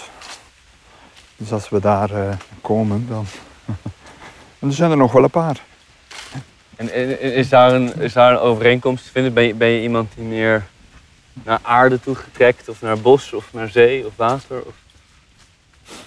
Eerder bos en aarde, denk ik. Ja. Bergen vind ik ook wel leuk. Af en toe. De zee ook wel eens leuk. Maar bos en aarde vind ik heel leuk. Bij in La Palma kijken we op de oceaan, dus die is er constant. Maar ik moet niet per se aan het strand liggen. Huh? Snap je? Ja. Andere mensen zouden het net andersom doen. Mhm. Dat kan aangeven hoe je bent als mens. Dat kan ook eh, gewoon balans maken met je, je staat van zijn. Dat je een tijd lang meer behoefte Ja, hebt om in ja. een omgeving te zijn, omdat je jezelf. Er zijn mensen die, kunnen, die moeten dan echt een dag aan zee gaan wandelen, maar, maar laten hun niet een week aan het strand. Snap je? Ja, ja. Een- Dat is gewoon ont, ontstorend of ontspannend. Ja, ik kan me voorstellen als je. Want hetzelfde geldt wat we nu veel zeggen over eh, de verticale lijn. Of over Ja. hè, dat je te spiritueel te, ge- te- te geestelijk bent. Ehm, het zou ook kunnen gelden als je, als je misschien te aards bent. Ja, Eh, hoe, hoe, hoe manifesteert zich dat? Als je, dan, dan raak je te geïsoleerd. Het zijn vaak mensen die, waar het potentieel wat in hun zit nooit echt naar buiten gekomen is. Het is als een boom met een dikke stam, maar weinig takken en bladeren. Zoiets, hè? En zo zijn er ook heel veel mensen. Omdat de snelheid waarmee het geschenk moet uitgepakt worden in deze tijd, is heel hoog. Ja, als je 18 bent, moet je het wel weten hoe het in elkaar zit. Mhm. Hè? ja. Terwijl bij vele mensen op een 35 het begint te komen. Zo. En dan lijkt het alsof de trein al weg is. Ja. Eh, ja, dan heb je al tien jaar carrière gemaakt en dan moet je overstappen. Dat is Zoiets, zoiets hè. Ja. En soms zie je dat mensen dan helemaal blijven zitten daarmee. Dat dat heb ik, ja, heel, dus niet soms, heel vaak zie je dat. Ja. Op onze trainingen zie je dat vaak gebeuren. Van, je ziet die persoon die is nu met dat bezig, de, appel, de, ap- de appelboom pompoen weer. Ja. En die is dan maar verder gegaan, want het is zo zonde van al mijn inspanning. Ja. Maar hoe keer ik de boot nog? Ja. Ehm, hoe cultiveer je ehm, je sensibiliteit om te weten eh, wat te volgen? Wel, als je heel veel takken hebt en, een duk- en je hebt geen contact met je stam en je wortels, dan zal het tijd vragen, echt voor jezelf, om terug naar binnen te gaan, om naar beneden te komen. En voor vele mensen zorgt een burn-out of zoiets daarvoor. Dat is een hele handige, wel een handige, maar niet, eh, niet zo'n aangename manier om terug tot de aarde te komen. Je, je kan gewoon niet meer. Hè? En zo heb je een soort van rechtmatige tijd om met jezelf bezig te zijn. Het wordt, voor je, het wordt je opgelegd. Ja, Je hebt echt geen keuze. je wordt nog betaald soms ook. Hè. Ja. Maar daarvoor is er een moment dat je voelt van dit gaat nergens naartoe. Ik- Ik moet in mijn schema, en die vraag stel ik vaak aan mensen, waar zit jouw tijd als ik naar jouw planning kijk? Waar zit je tijd voor jou? Ja, die is er gewoon niet. Ja, oké. Dat is de muur waar je naartoe gaat. Doe maar, maar dit, gaat, dit loopt niet goed af. Er moet ergens tijd zijn. En of dat je dan met je hond gaat wandelen, of eh, weet ik veel. Dat maakt me niet uit wat je doet, maar er moet een kwalitatieve tijd voor jezelf zijn. Waar je even stil kunt zijn. Waar je kunt stilstaan ook bij wat er nu werkelijk gebeurt in jouw leven. Ja. En dat zorgt er ook voor dat je ziel, of wie je bent, dat dat kan landen in je materie. Dat noemen ze ook incarneren. Hè? Eh, doen we dat niet, dan beginnen we geleidelijk aan te excarneren. Dan gaan we allemaal meer in ons hoofd, uit ons lijf. En lopen we letterlijk niet naast onze schoenen, maar naast ons lijf zelfs. Mm. En de meeste mensen zitten in die toestand. Dit is een vrij algemene conditie geworden. Ja. Geëxcarneerde mensen. Je kan er nog lang leven hoor, maar Maar niet leven, overleven. eh, ja, het is meer overleven dan. Maar En je bijdrage is ook niet meer passend. Nee. Het vervullingsstuk, dat mankeert vooral. Ja. Want, want nu praat je ook over, over mensen die al werken. Ja, Tenminste, zo interpreteer ik het. Ja. En, ehm,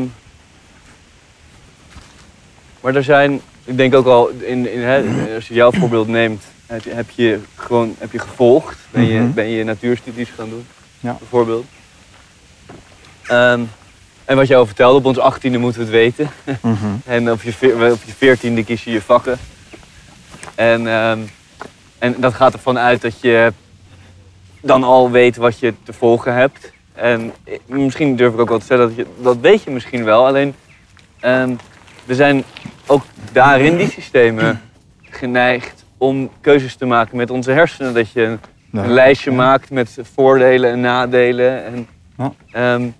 Terwijl is er een manier waarop je zegt, eigenlijk nou, misschien al door je hele leven te cul- cultiveren, dat je, nou ja, voor mij gaat het denk ik ook over een soort gevoeligheid of een, of een manier dat je kan horen wat er tegen je gezegd wordt. Mhm. Eh, Tegen jezelf eigenlijk, Ja. vanuit jezelf.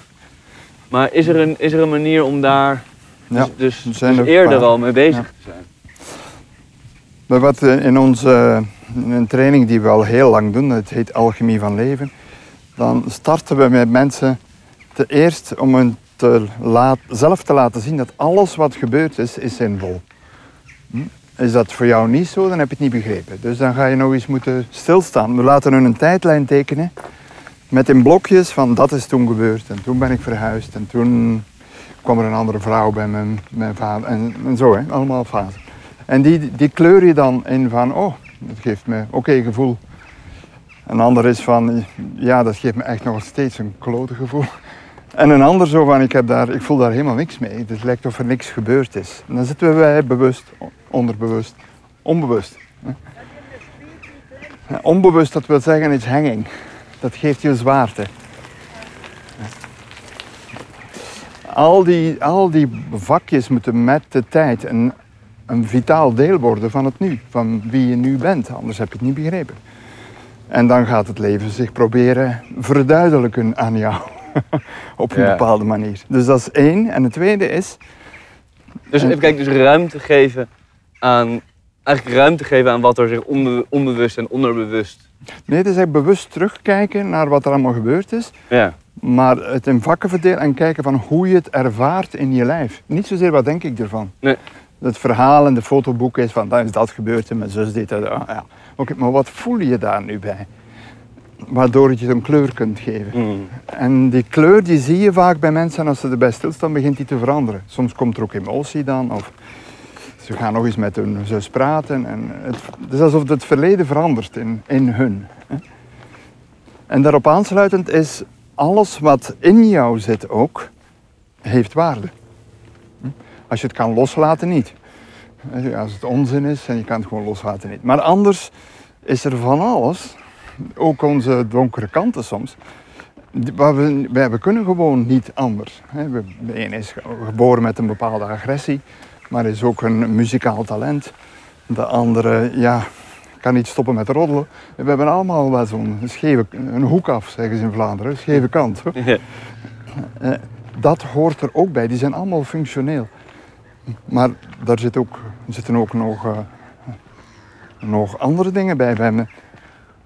Als je gewoon nuchter kijkt naar wat is er allemaal. Er is het fysieke lijf, er zijn mijn emoties, er is mijn seksualiteit, er is mijn, mijn, mijn ziel, er is mijn mind, er is, er is van alles.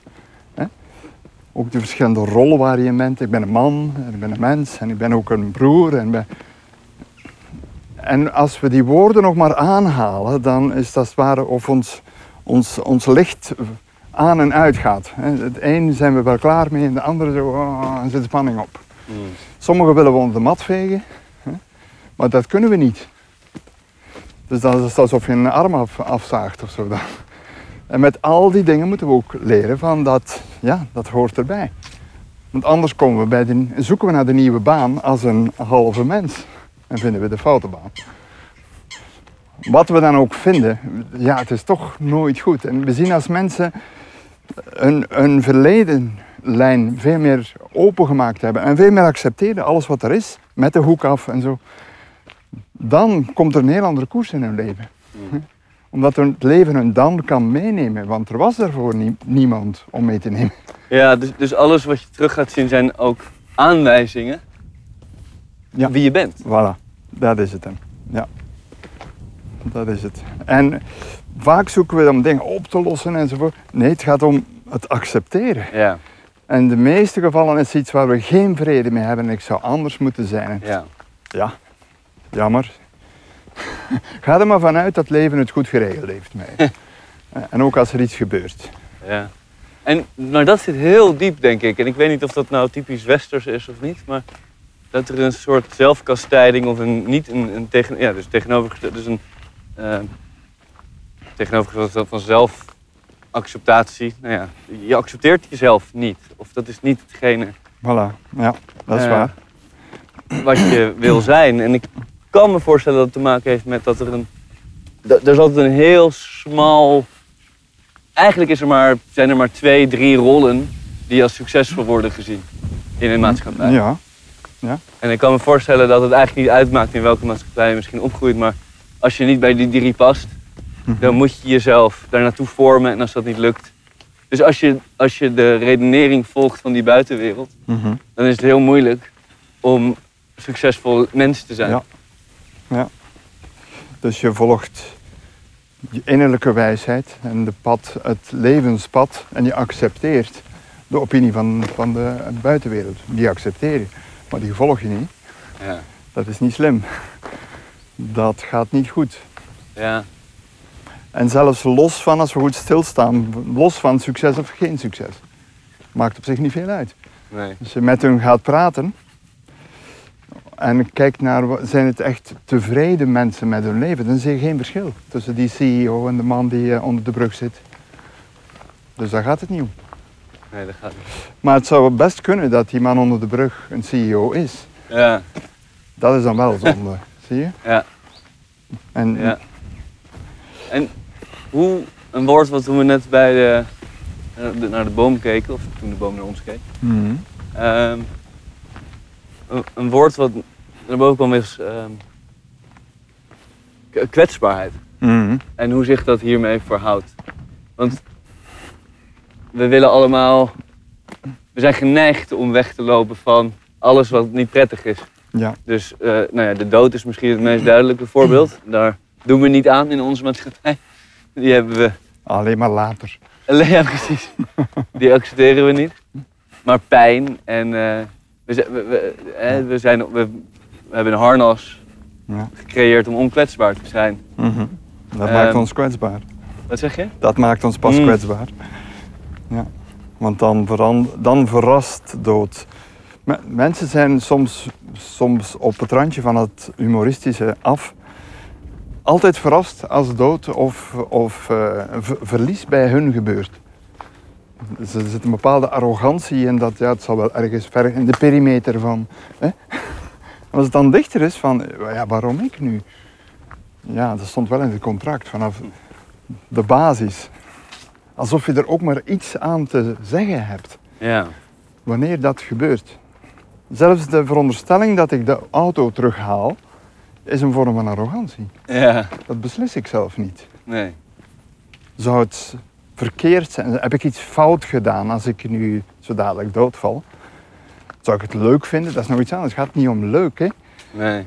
maar ik heb wel die bereidheid. Het is niet iets wat ik nog dringend moet gaan doen nu. Nee. Heb ik heel veel plezier in leven. Want die twee staan niet in contrast met elkaar. Als je een hert wil doden, dat gaat rennen, net zoals ik, voor zijn leven. Eens je het hebt en het voelt dat het afgelopen is, dan, dan kan een hert sterven. Een mens kan heel moeilijk sterven. Omdat hij totaal verrast is. Dat hij, vanuit zijn ego, dat het met hem gebeurt. Maar dat is ook hetzelfde met ja, je, je zaak die over kop gaat of je wordt ontslagen of zo Ja. De arrogantie van de vanzelfsprekendheid. Ja. Of je vrouw die bij je is, of, Ja. of je kind.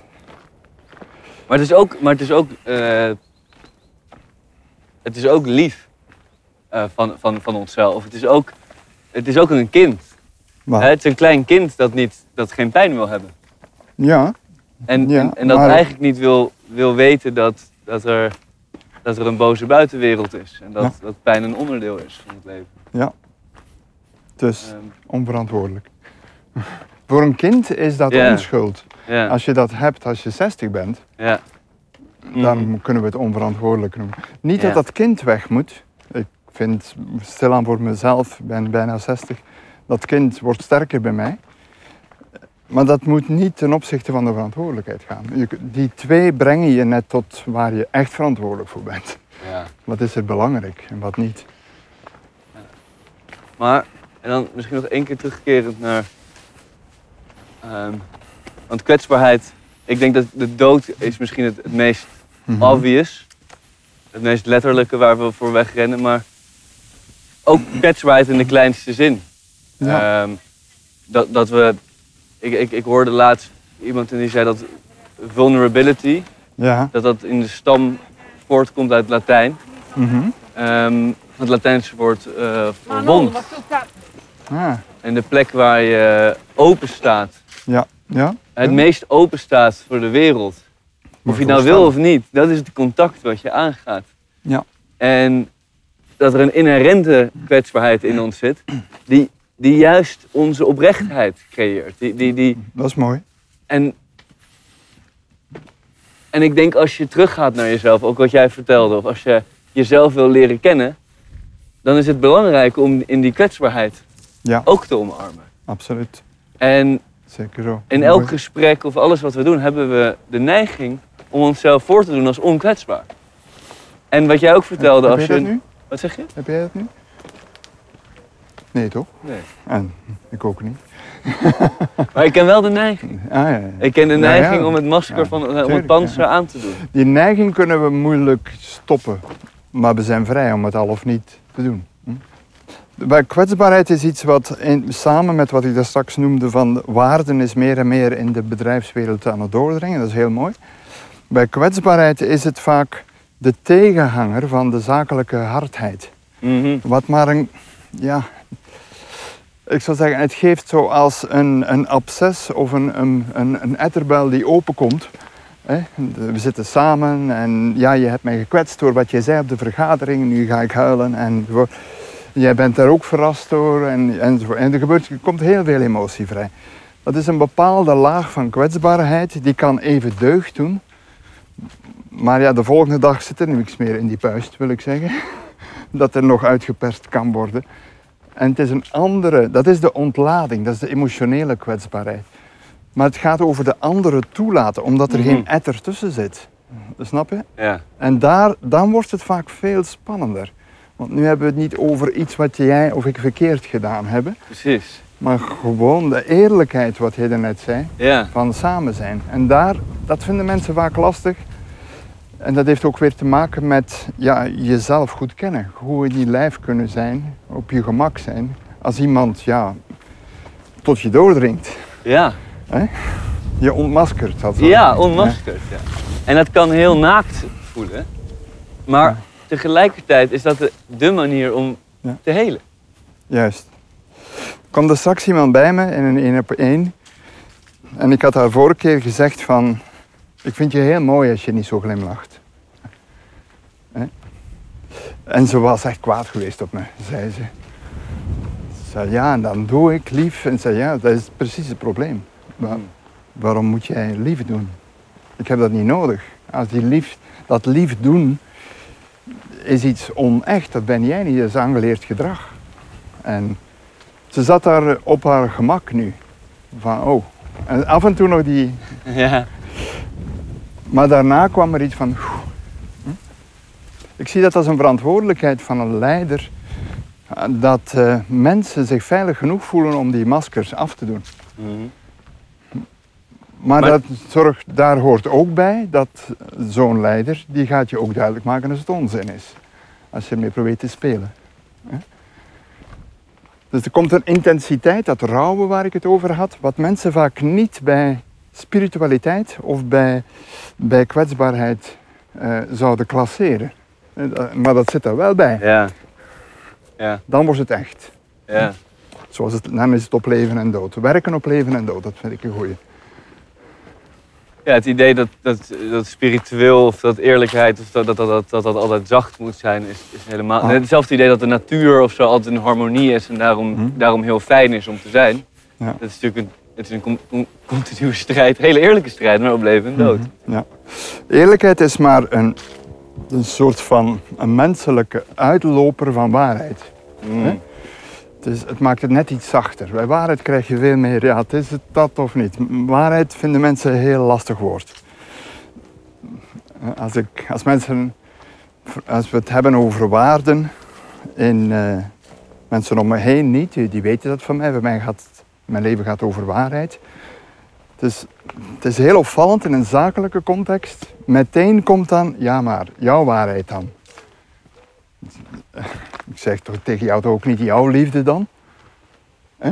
Als iemand zegt, ja, bij mij liefde is waar ik voor leef. Dan zeg ik toch, ja, jouw liefde.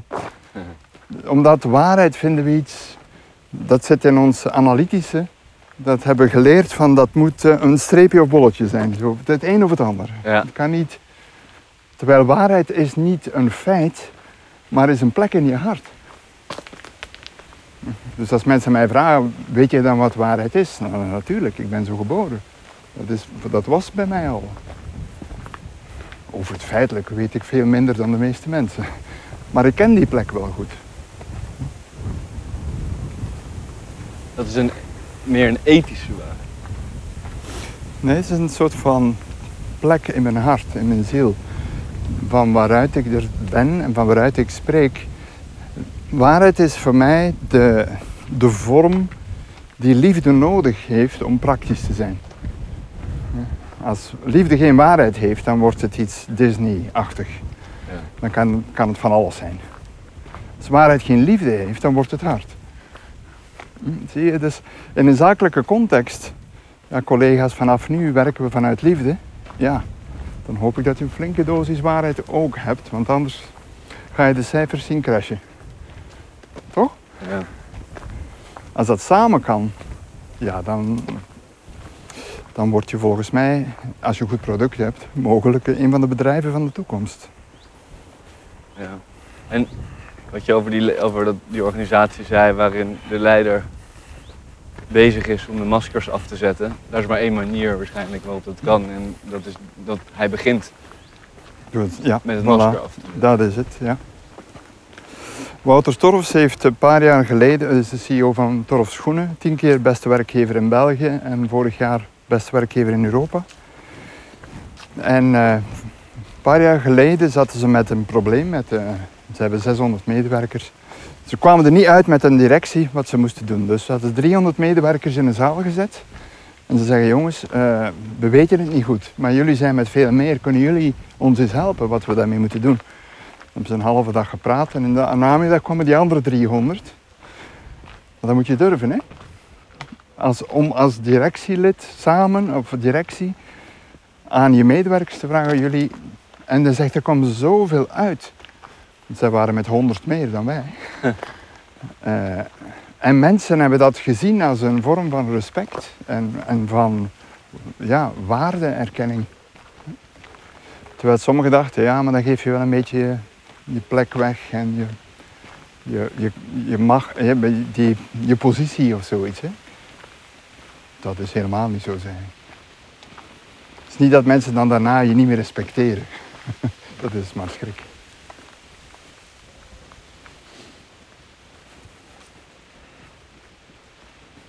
zit ergens een paradox waarin kwetsbaarheid een kracht is. Mm doordat, hè, en, en, het raakt ook aan waarheid. Mhm. Want als waarheid jou raakt, als eerlijkheid jou raakt, ehm, dan, dan ben je kwetsbaar. Dan, dan klopt er iets niet. Of dan ben je ergens ik zit even te zoeken naar, er is een manier waarop je in een, als je heel, heel fijn samenvalt met jezelf, mensen mhm. vinden daar iets van. En dat is hun waarheid, hè? Dat, daar zit, dat is, kan waar zijn of je kan overkomen. Ja, ja. Als jij heel erg in jezelf leeft, dan kwetst jou dat niet. Dat is waar. Daar kan je dan heel goed mee omgaan. Mhm. Ja, dat is waar. Zullen we even zitten? Ja.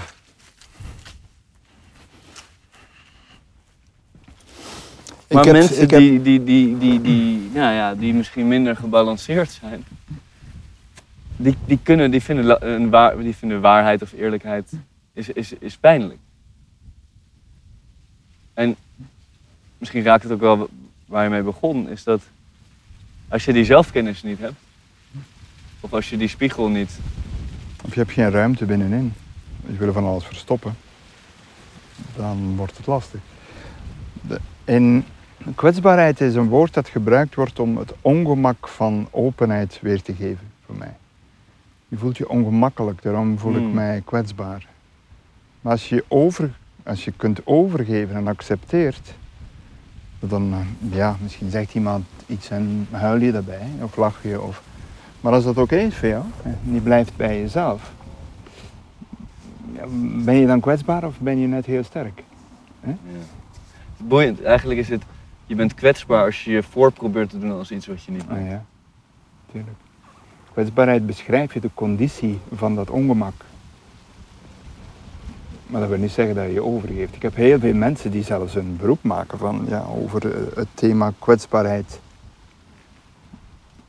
Maar zich niet echt kunnen overgeven. dat is iets helemaal anders. Wij doen, uh, ik heb vanuit, vanuit onze leiderschapstrainingen ik heb veel dingen ontwikkeld waar we mensen echt een praktische dingen laten meemaken. Dan hebben we het over kwetsbaar en overgave. Ja, allemaal heel leuk. Hè? Maar dan gaan we naar het zwembad samen. Hm? En dan vraag ik van, betrouw je me? Je me? Ja, natuurlijk wel. Dan mag je uitademen, mag je op de bodem gaan liggen. En ik, haal je, ik zal je terughalen, ik beloof het je. Maar je komt niet zelf terug naar boven. Maar nu wordt het wat anders, hè? Begrijp je? Dan vaak gebeurt er, ja, je voelt het misschien al als ik het vertel, het lijkt bijna onverantwoord om zoiets te doen. Zeker met collega's. mooie is als het opgebouwd wordt en we bouwen eerst aan dat mensen zich, dat ze zelf op de bodem gaan liggen. Drie kwart kan dat niet, want zij hebben dan veel lucht in hun cellen zitten of zo. of ja, ik heb, ik heb een hoog vetgehalte, ja, dat zal wel. Dan door er een tijdje mee bezig te zijn, dus angst, angst, angst, en niet durven loslaten. En dan op een zeker moment, bijna iedereen ligt op de bodem. En dan gebeurt er iets helemaal anders. Plots. Er wordt, het thema kwetsbaarheid speelt ook geen rol meer. Mensen kijken elkaar aan. Ze weten ook wanneer het tijd is om terug te komen. Dan, dat is een heel andere diepte. Als je men, daarom vind ik alchemie zo goed, eh, of, of de natuur zo goed is beter. De natuur maakt alles heel duidelijk. Je, je kan dezelfde vraag stellen in het bureau van de CEO, of je neemt hem mee op, in de juiste natuurplek en je hebt de vraag zelfs niet nodig. Dingen vallen vanzelf op, op hun plek. Ik was op een zeker moment na genoeg van die boardrooms zoiets van, ja, ik zit hier mijn tijd te prutsen, dit gaan we niet meer doen. En dan ben ik begonnen met hun mee te nemen naar krachtplekken overal ter wereld. eh, En daar een paar simpele vragen te stellen.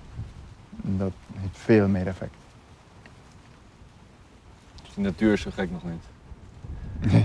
Helemaal niet. nee. Dus één ervaring die we velen hebben meegemaakt samen, dat is een diepe grot in de Pyreneeën. We dalen vier uur of vijf uur af en dan gaat die gids weg. En we zitten daar in die grot. Die komt daar nooit meer uit alleen. En dan hebben we een gesprek. Ja, dan is, je hebt een heel ander gesprek. Ja. En, altijd, zoals nu voel je dat misschien ook, van op een afstand denk je van holy shit, ik zou doodgaan van angst enzovoort. Maar bijna zonder uitzondering hebben mensen spijt als, op het moment dat die gids al terug is. Oh, je ziet er nu al. Oh, het is er zo goed. Mensen die zeggen van ik was helemaal klaar van mij. Om, het gaat niet meer over dat. Je komt in een plek in jezelf terecht die je ook niet meer vergeet. Het gaat niet over die grot, het gaat over een plek in jou. Hè? Dat is mijn intentie, dat is de mensen die plekken kennen, nou, dan verandert te veel. Ja.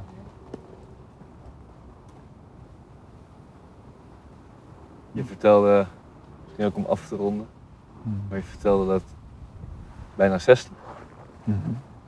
Er komt eh, zo een, een kind wat weer eh, zich meer aanwezig eh, Mhm. laat zijn. We hebben eigenlijk natuurlijk over het idee dat alchemie continue transformatie is. Mhm. En, eh, we hebben kort over Dao gehad, wat ook eigenlijk hè, de weg is, het continue stromen. Kan jij voor jezelf aangeven waar jij nu, waar voel je dat jij bent in een, in een alchemistisch proces of in het proces Mhm. van het leven? Mhm.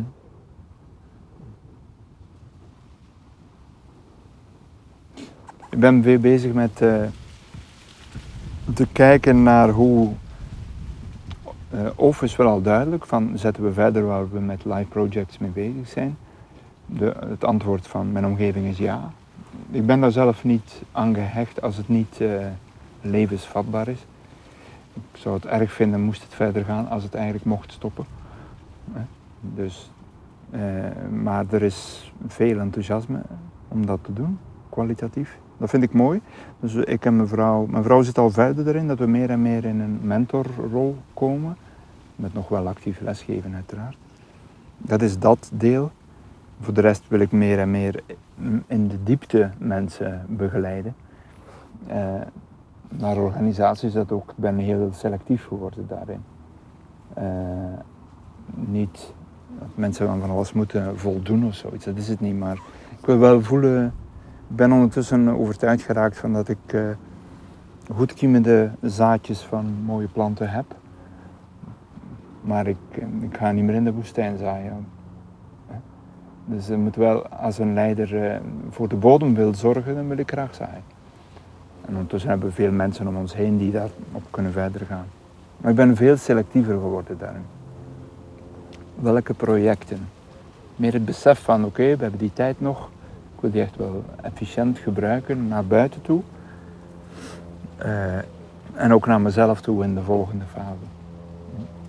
In de volgende fase, eh, in alchemie is er niet iets van eh, afsterven of zoiets. Er is alleen maar transformatie.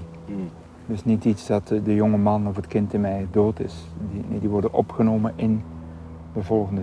Daarom, ik heb een aantal taalmeesters gezien, die zijn echt zoals kinderen, die zijn 85, die zijn heel vitaal. En, eh, eh, dat is heel mooi om te zien. Het ligt niet helemaal in mijn hand of dat kan, maar daar ben ik in ieder geval wel mee bezig. De, meesterschap in, daarin is, eh, je, bent, je hebt eigenlijk het leven hier, dat je het leven hier overstijgt terwijl je helemaal hier bent. Hmm. Die man van Nazareth was er bijvoorbeeld heel goed in. Wie? Die man van Nazareth was er heel goed in. En er zijn nog veel meesters geweest. Volledig hier, maar ook volledig onthecht.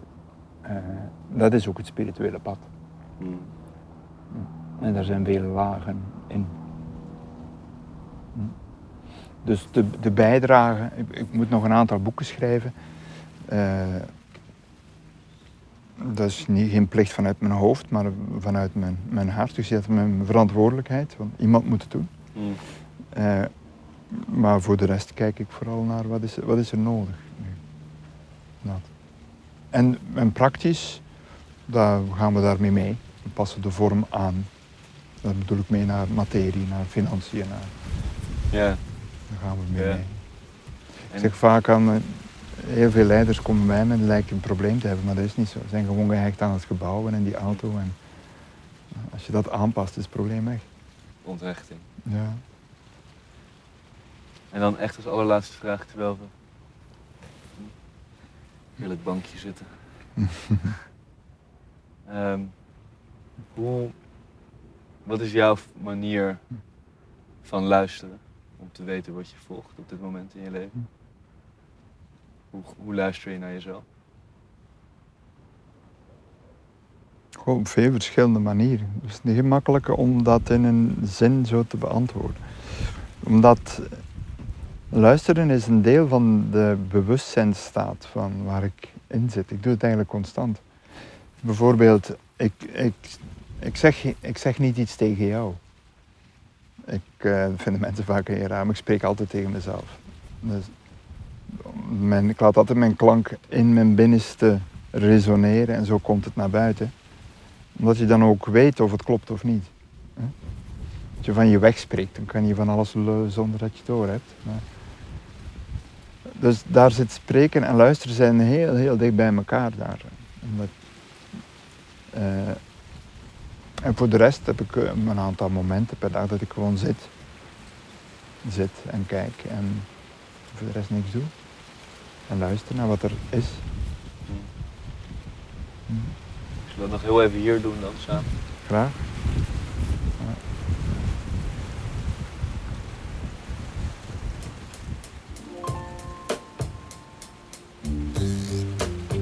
Je luisterde naar Terug naar de Natuur, de podcast van Club Groeneveld.